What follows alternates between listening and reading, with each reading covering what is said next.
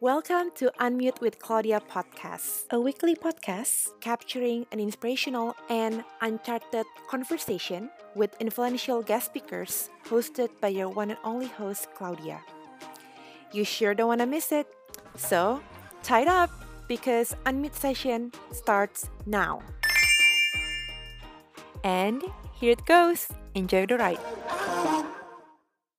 Hai semuanya, kembali lagi di Unmute with Claudia. Bintang tamu gue hari ini membuktikan bahwa menjadi anti mainstream itu sangat menyenangkan. And I think it's a unique name that brought her to this day. Gue nggak mau lama-lama lagi, langsung aja ada Galabi Tahira Pahlevi. Hai Claudia, apa kabar Claudia? Baik kak, I know that you've been through a lot of a journey, apalagi di tahun 2020 ini. Um, kalau kata Mas Renggo itu, lo all in one packet. Bisa nyanyi, nari, apa pun itu bisa lah pokoknya. Mungkin orang tuh banyak yang mengenal lo dari ini gak sih, pencarian bakat ya kan, IMB. Hmm, hmm. Nah, tapi entah kenapa, menurut gue, personally nama Galabi itu unik banget. Karena actually you're the first friend that I have that has Galabi. Dan nyokap itu kasih nama waktu itu ini, terinspirasi dari uh, Ratu Nur Yordania.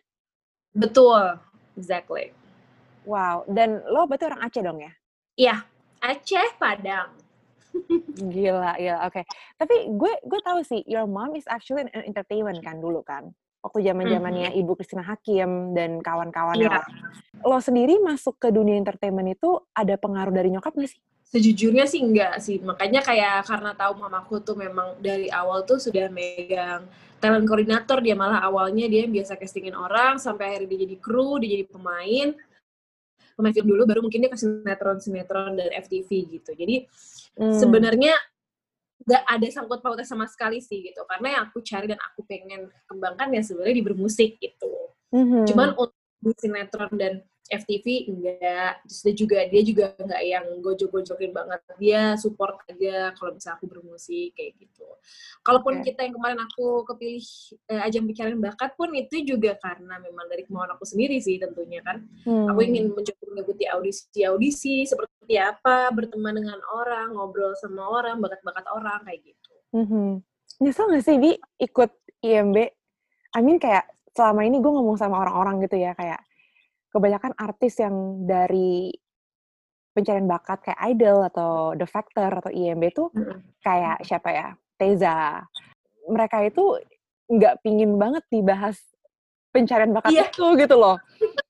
Lo pribadi kayak, lo merasa itu semacam batu loncatan lu apa gimana? Karena kan IMB juga nggak ada hubungannya dengan apa pun yang lo kerjain sekarang gitu. Benar.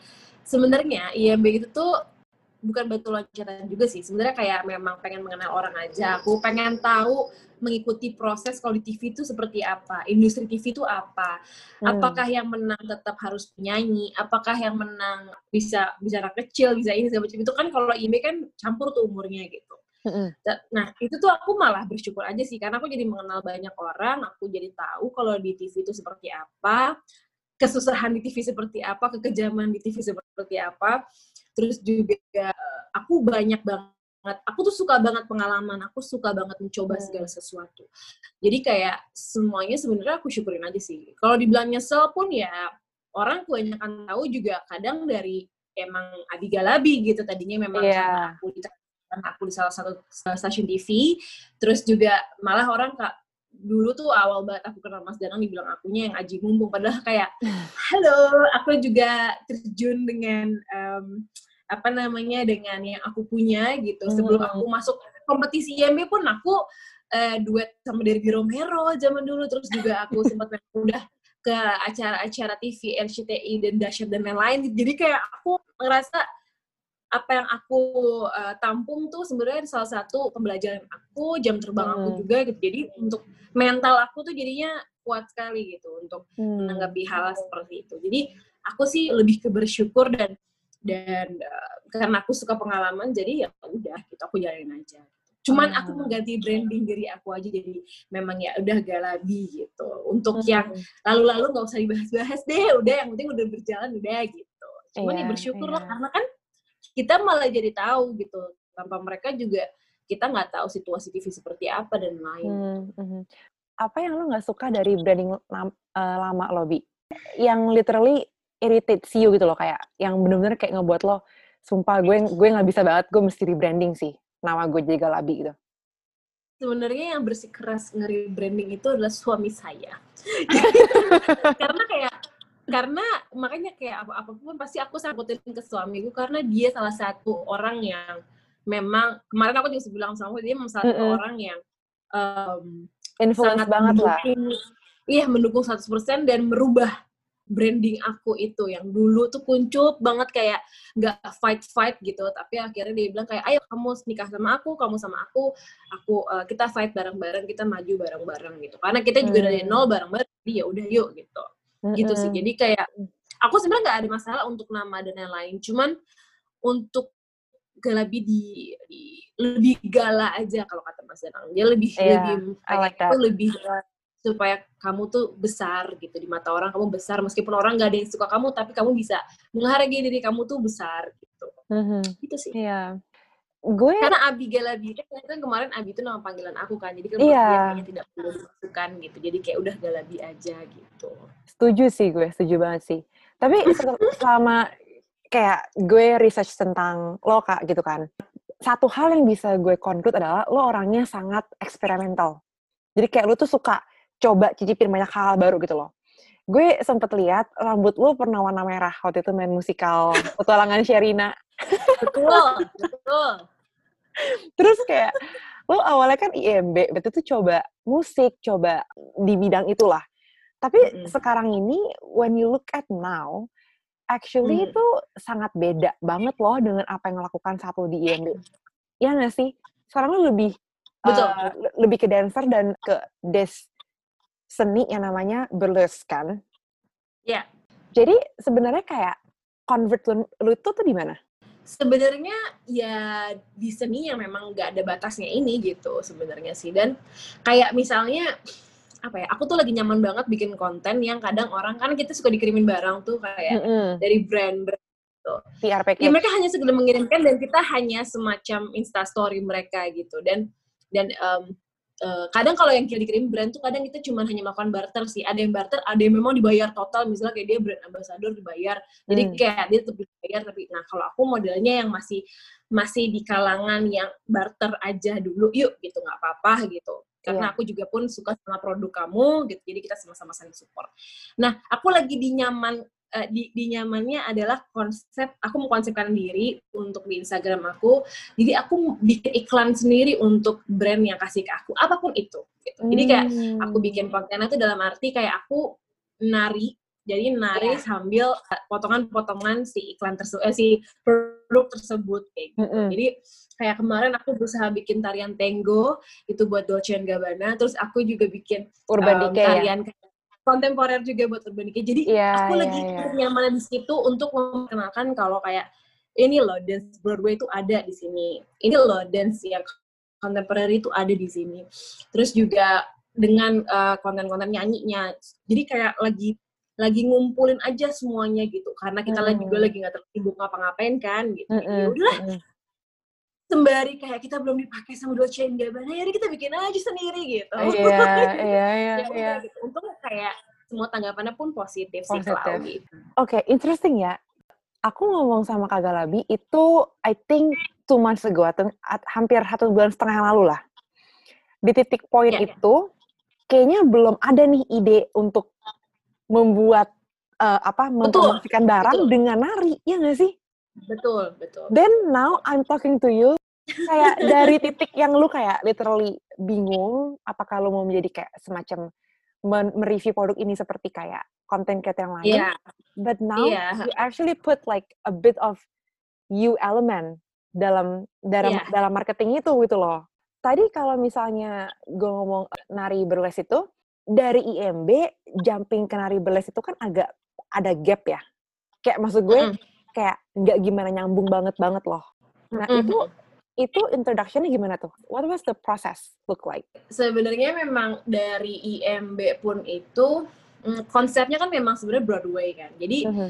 burlesque juga ya kurang lebih lah gitu. Cuman banyak banget talenta di di di Indonesia ini yang ngumpet gitu kayak uh, teman-teman aku juga um, mereka banyak yang suka Broadway tapi kayak nggak kesampaian. Mereka banyak yang suka juga theatrical uh, nyanyi tapi juga nggak kesampaian. Maksudnya kayak susah lah untuk menarik industri di Indonesia gitu. Orang Mhm. belum begitu ngerti gitu. Dan aku juga se semerangkak itu untuk supaya bisa dipandang orang gitu. Tapi memang Mhm. yang aku mau gedein itu mau kembangin itu sebenarnya memang di konsep Broadway-nya gitu. Kalau di burlesque gitu karena kenapa banyak aku bawain? Karena aku ingin menciptakan lagi ingin mengembangkan lagi bagaimana orang terlihat seksi itu tapi ter- tapi tetap terlihat classy seksi di dalam gitu nggak perlu yang mengumbar-ngumbar jadi itu yang lagi ngetrennya justru di situ yang yang cari fokus orang-orang di situ karena kalau misalnya aku masukin ke Broadway duluan aku Hmm. masukin si konsep Broadway yang aku biasa bawakan Indonesia Mencari Bakat Mhm. mungkin orang-orang sekarang kurang kayak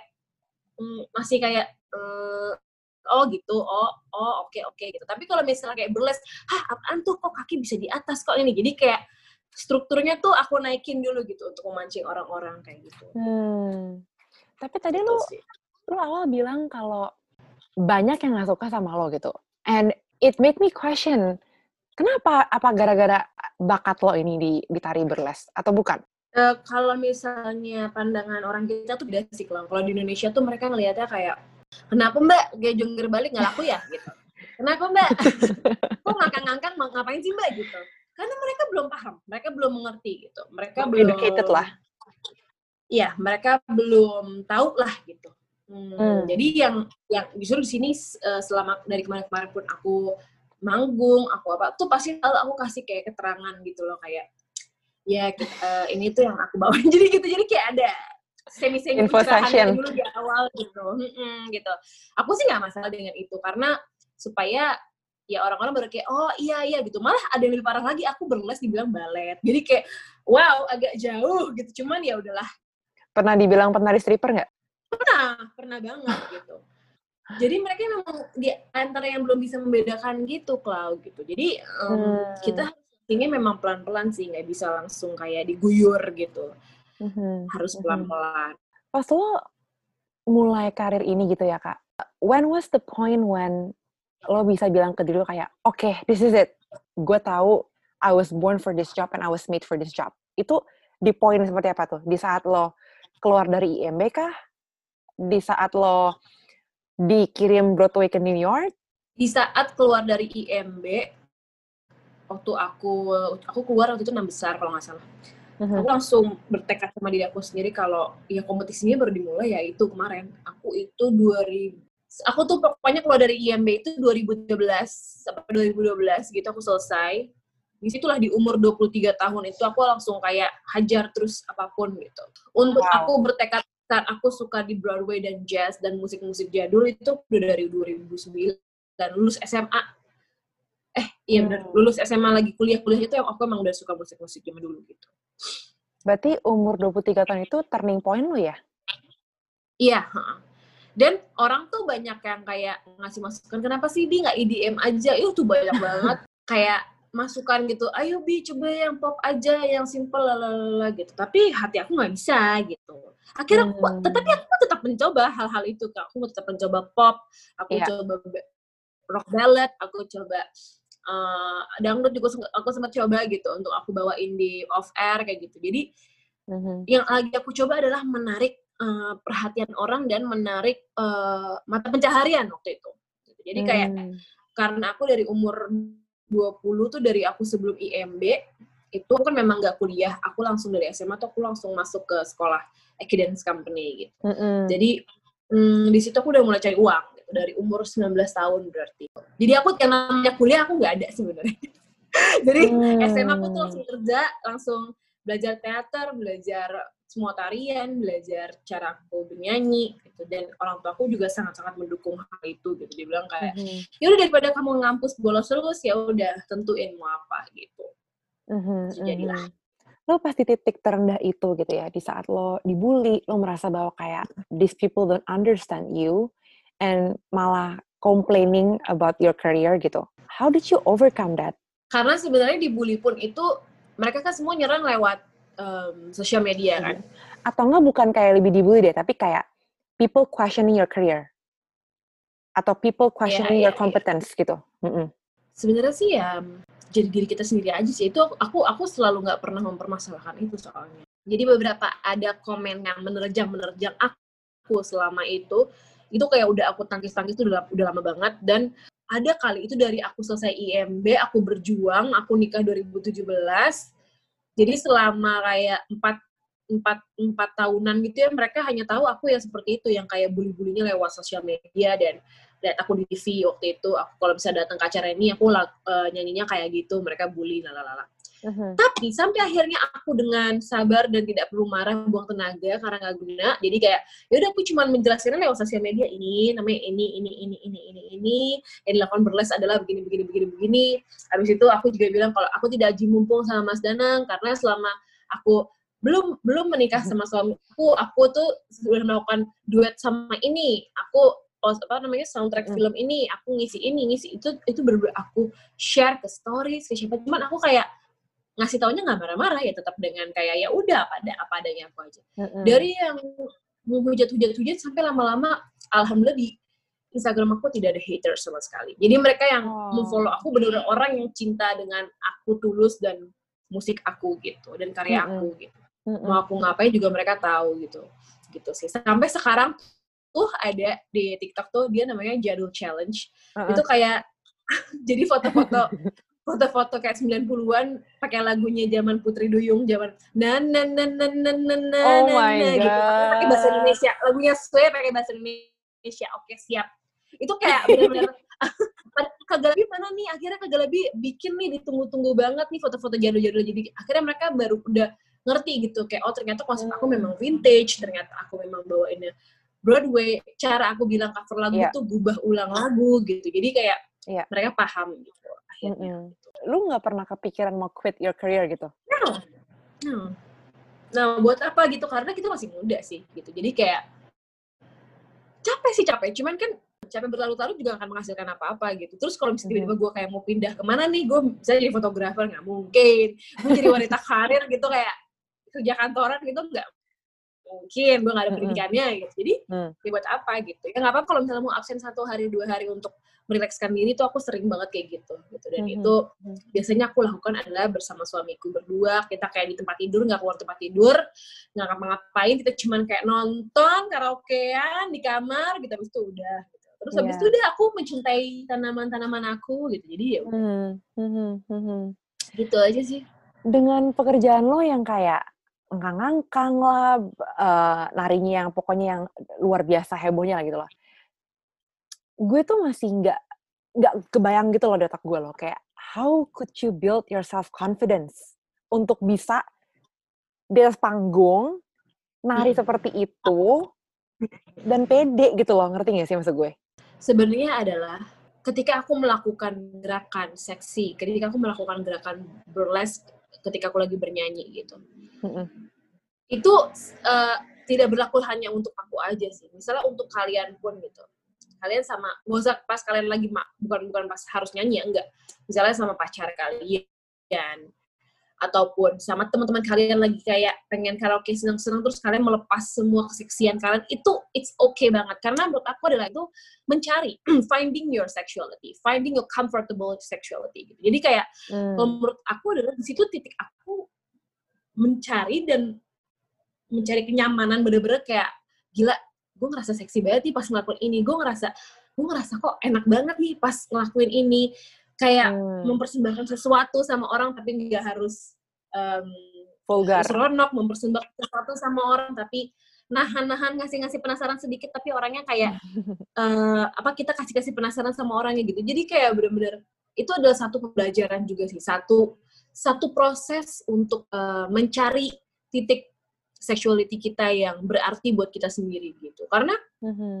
kita mencari titik seksi itu bukan buat orang lain buat diri kita sebenarnya gitu. Jadi yeah, yeah di mana lah kenyamanan itu gitu. Itu nggak harus ketika aku bernyanyi aja sih bisa pasti aku sama suami aku pas lagi sama teman-teman misalnya kayak ayo biar nyanyi nyanyi ayo ayo kita ini nih lagu ini nih jangan joget ya gitu jadi kayak seru-seruannya itu adalah ya itu gitu di situ gitu bagaimana cara kita berbicara bagaimana cara kita menatap orang kalau lagi ngomong gitu. Hal-hal sepele kayak gitu kadang uh, membuat belajar buat diri aku juga gitu loh. Seksi itu nggak harus kita mesti nari-nari segala macam. Seksi bagaimana cara kita komunikasi sama orang, bagaimana cara kita menghargai uh, orang, bagaimana cara kita natap mata orang gitu. Mhm. Jadi kayak mencari sisi kenyamanan gitu. Pretty much lo itu trendsetter ini nggak sih? Trendsetter um, nari burlesque di Indonesia? Untuk saat ini ya, untuk saat Mm-mm. ini mungkin ya, mungkin bisa disebut Mm-mm. seperti itu. Meskipun di luar sana di, di Indonesia juga ada yang mencoba-coba burlesque, tapi kan mereka kan berbagai macam versi sih. Misalnya kalau misalnya di salah satu sekolah mereka nyoba burlesque, mereka nyoba jazz ballet, mereka nyoba Iya. ballet gitu-gitu. Mm-mm. Jadi, nah aku bisa menamakan aku trendsetter ataupun eh, di Indonesia mungkin bisa dibilang kayak gitu karena baru aku yang yuk berani gitu. Aku yang kayak Hmm. ayo Instagram aku lihat nih aku bikin ini gitu. Iya, Jadi iya. mungkin mungkin ya itu makanya aku bisa bisa mencoba mentranslatekan yuk yuk yuk tahu-tahu nih berlas yuk ikut yuk aku yuk gitu. Hmm. Sebenarnya banyak gue yang lain-lain. Adik-adik aku sih biasanya adik-adik yang ikutan musical kemarin juga berusaha pengen kayak kak ajarin ya ntar berlasnya gitu. Tapi ya Hmm. sekarang ya aku merasa memang ya yang mengembangkan aku dulu lah gitu. Kayaknya kan yang gue bilang ya, perjalanan lo itu tuh kayak naik turun gitu loh. Kayaknya lebih banyak capeknya, lebih banyak uh, downhill-nya dibanding uphill-nya gitu. Uh, trophy moment kita ngomongnya. Tapi lo actually pas gue Google, nama lo itu paling muncul atas adalah lo berkesempatan untuk ke New York untuk acara Broadway Iya. dari Indonesia Karyaan.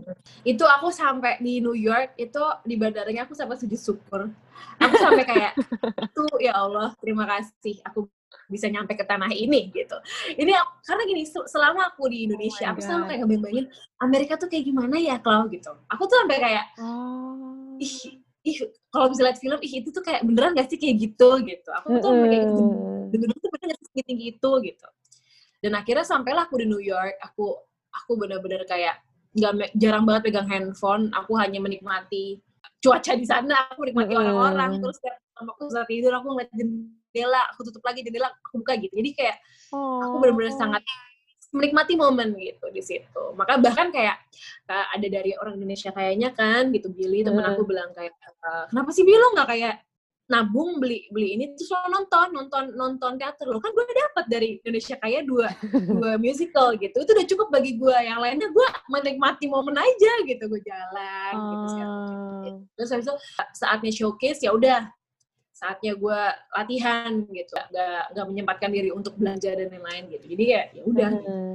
sangat Mhm. menikmati aja gitu sih itu itu itu adalah doa terbesar gitu waktu gue tuh Iya. dan gue ulang tahun di sana loh kalau itu 14 Juli 2019 itu aku ingat banget Wow, gila. Itu gue bakal seneng luar banget sih. Luar biasa banget. iya dan gue gue foto di itu di ball apa namanya ya New. Year New Year iya Rockefeller. iya iya iya Iya. Rockefeller. Aduh, gila. Gue jadi pengen ke New York sekarang lu ngomong gini.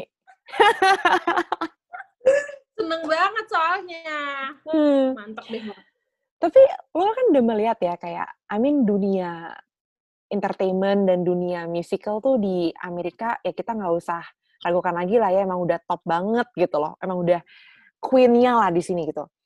Menurut lo ada nggak sih kayak mungkin benih-benih kecil yang bisa dicicil dan bisa dibawa ke Indonesia gitu. Untuk dunia musical atau mungkin di dunia um, entertainment atau mungkin di burlesque sendiri gitu?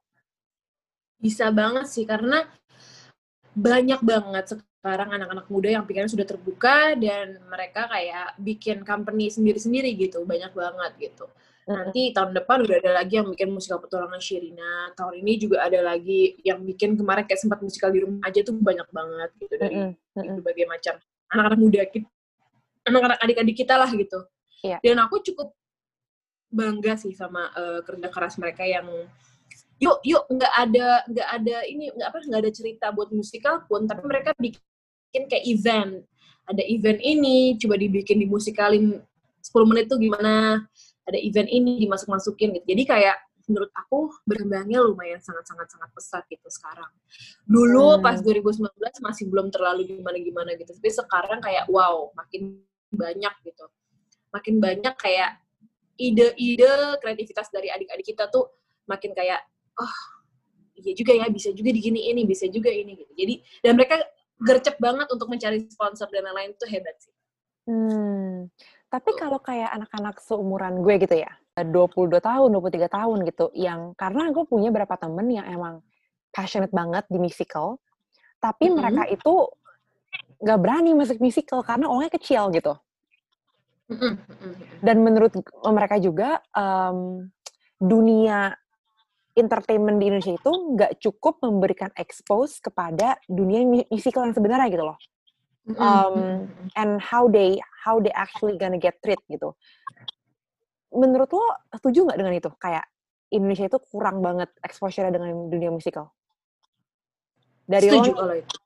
Sebenarnya dari gue tuh kayak ngerasa kayak selalu selalu kurang greget, selalu kayak kurang suportif. Mereka masih menganggap kalau musikal itu adalah kayak gampang, gampangnya dalam arti semua orang bisa main musikal, nggak begitu sih gitu. Jadi karena semua tuh sebenarnya ada step-stepnya gitu, semuanya ada pembelajarannya, mm-hmm. semuanya ada aturannya gitu. Cuman aku ngerasa di Indonesia ini kayak digampangin aja gitu semuanya kayak misalnya masuk di salah satu stasiun TV apa main musikal gitu, tapi musikalnya kayak cuman nyanyi, eh nyanyi, abis itu acting acting habis itu nyanyi lagi habis itu acting acting habis itu udah hmm. habis itu nggak ditonton sama orang-orang orang-orang yang malah kayak rekamin foto-foto ngobrol masing-masing gitu jadi kayak itu kalau di TV yeah, ya yeah. aku pernah lihat di salah satu stasiun TV mm-hmm. dan aku ngerasa kayak wah sayang banget ya gitu sayang banget karena orang jadi ngerasanya orang jadi ngeliatnya kayak oh musikal tuh kayak gitu gitu betul orang-orang masyarakat kita kebanyakan nonton TV jadi langsung mm-hmm. merasanya kayak oh musikal tuh kayak gitu gitu sebenarnya di balik balik balik itu ada di belakangnya musikal tuh nggak seperti itu musikal tuh hmm. jauh lebih lebih um, apa ya namanya dia punya menu-menunya sendiri gitu dia punya kayak hmm. kayak aturan-aturannya sendiri yang aku bilang gitu jadi kayak hmm. nggak hmm. bisa disamain gitu industri industri di TV sama di belakang TV gitu itu sama sekali beda banget sebenarnya hmm. hmm. sama aja sih sebenarnya masalah kita uh, ibaratnya tuh kita bagaimana kita um, menjadi diri kita di atas panggung iya. sama yeah kita di off panggung gitu, off stage gitu. Hmm. Itu ada dua secara nggak sadar selalu ada dua kriteria kita yang berbeda gitu. Setiap manusia sebenarnya ya gitu. Lo kan udah experience tahun 2020 ya, Bi. Mm -mm. Mm Ini kita dua minggu lagi nih mau pindah ke 2021 gitu. 2021. Iya. Knowing how 2020 works and turns out, lo mau bawa apa ke tahun depan? Lo mau lo apakah akan memulai tahun dengan ambisius atau kalau mungkin punya mimpi-mimpi yang bener-bener kayak lu pingin banget nih capek di tahun depan gitu? Gue pengen bener-bener kayak menyelesaikan um, mini album gue tahun depan. Terus juga uh, karena supaya orang tuh tahu rentetan rentetan judul lagu Galabi itu apa aja sih, karyanya. Galabi itu apa aja. Terus juga gue lebih ambisius lagi pastinya dalam mencari panggung gitu. Hmm. Sampai pun gue masih tetap ambisius karena gue masih ikut-ikut mencoba ikut audisi musikal-musikal yang ada di Indonesia. Jadi apa pun, oke okay, yuk gue ikutin gitu. Iya. Yeah. Meskipun kayak hmm, apa namanya dari Indonesia kayak juga, terus aku suami minta izin, aku ikut lagi ya kak, gitu. Iya ikut lagi, ikut lagi. Jadi kayak gitu-gitu aku tetap ikut audisi apa pun itu. Mm -hmm. Tahun depan pun itu itu sih mini album terus aku lebih ambisius lagi dalam musikal ataupun film aku pengen ngejar di film juga karena selama ini aku ngerasa kayak apa ya gue tuh penasaran kayak kenapa gue jarang banget lolos lolos film gitu kemarin-kemarin gitu tapi hmm. kayak akhirnya kemarin uh, Tehnia Dina tuh sempet kayak ngajak aku juga aku jadi terpacu untuk oke okay, gue akan belajar lagi bagaimana nge-switch gue di kamera gitu iya. supaya yeah. terlihat lebih natural karena kalau misalnya film itu kan dia kamera kan deket sama kita jadi kita nggak boleh hmm. terlihat berlebihan kan seperti di teater gitu yeah, itu yeah, yang yeah. kadang masih susah untuk nge-switch gitu cuman hmm. ya gue berdoa supaya gue dikasih dikasih ilmu lagi yang banyak supaya tambah belajar amin lagi. lo ada tips nggak buat orang-orang yang lagi dengerin podcast hari ini um, untuk menghadapi tahun depan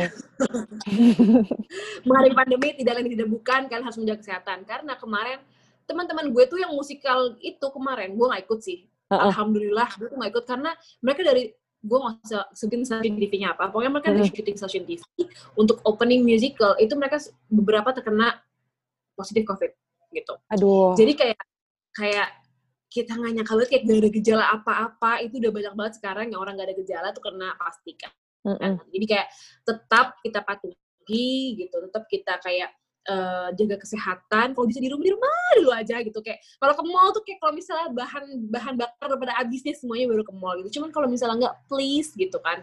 Uh, please please please jaga kesehatan terus juga lakukan apa yang kalian lakukan selama di rumah gitu. Karena justru di rumah itu adalah tempat favorit kalian kalau menurut aku kayak gimana kita bisa sekarang bisa kayak Setuju banget. ide apa nih ide ini ide itu ide itu gitu jadi kayak kulik diri kalian sendiri di rumah gitu Mm-mm. karena aku dari kemarin mengulik diri sendiri di rumah dan dapat ada aja yang dapat gitu Mm-mm. Well, thank you so much, Bi. thank you Clau Taking a time for doing this. Aduh, coba kalau semua orang bisa kenal Galabi Tahira, gue mau banget obralin persahabatan ini. thank you thank you Claudia person. Claudia selamat istirahat pokoknya kamu tuh kalau menurut aku kayak wow kok kamu bisa tahu semuanya dengan sigap gitu dan Oh, kamu sangat thank baik you. sekali thank you for that thank you Yeah. Thank you so much, Kak. thank you Claudia Happy New Year. bye Bye.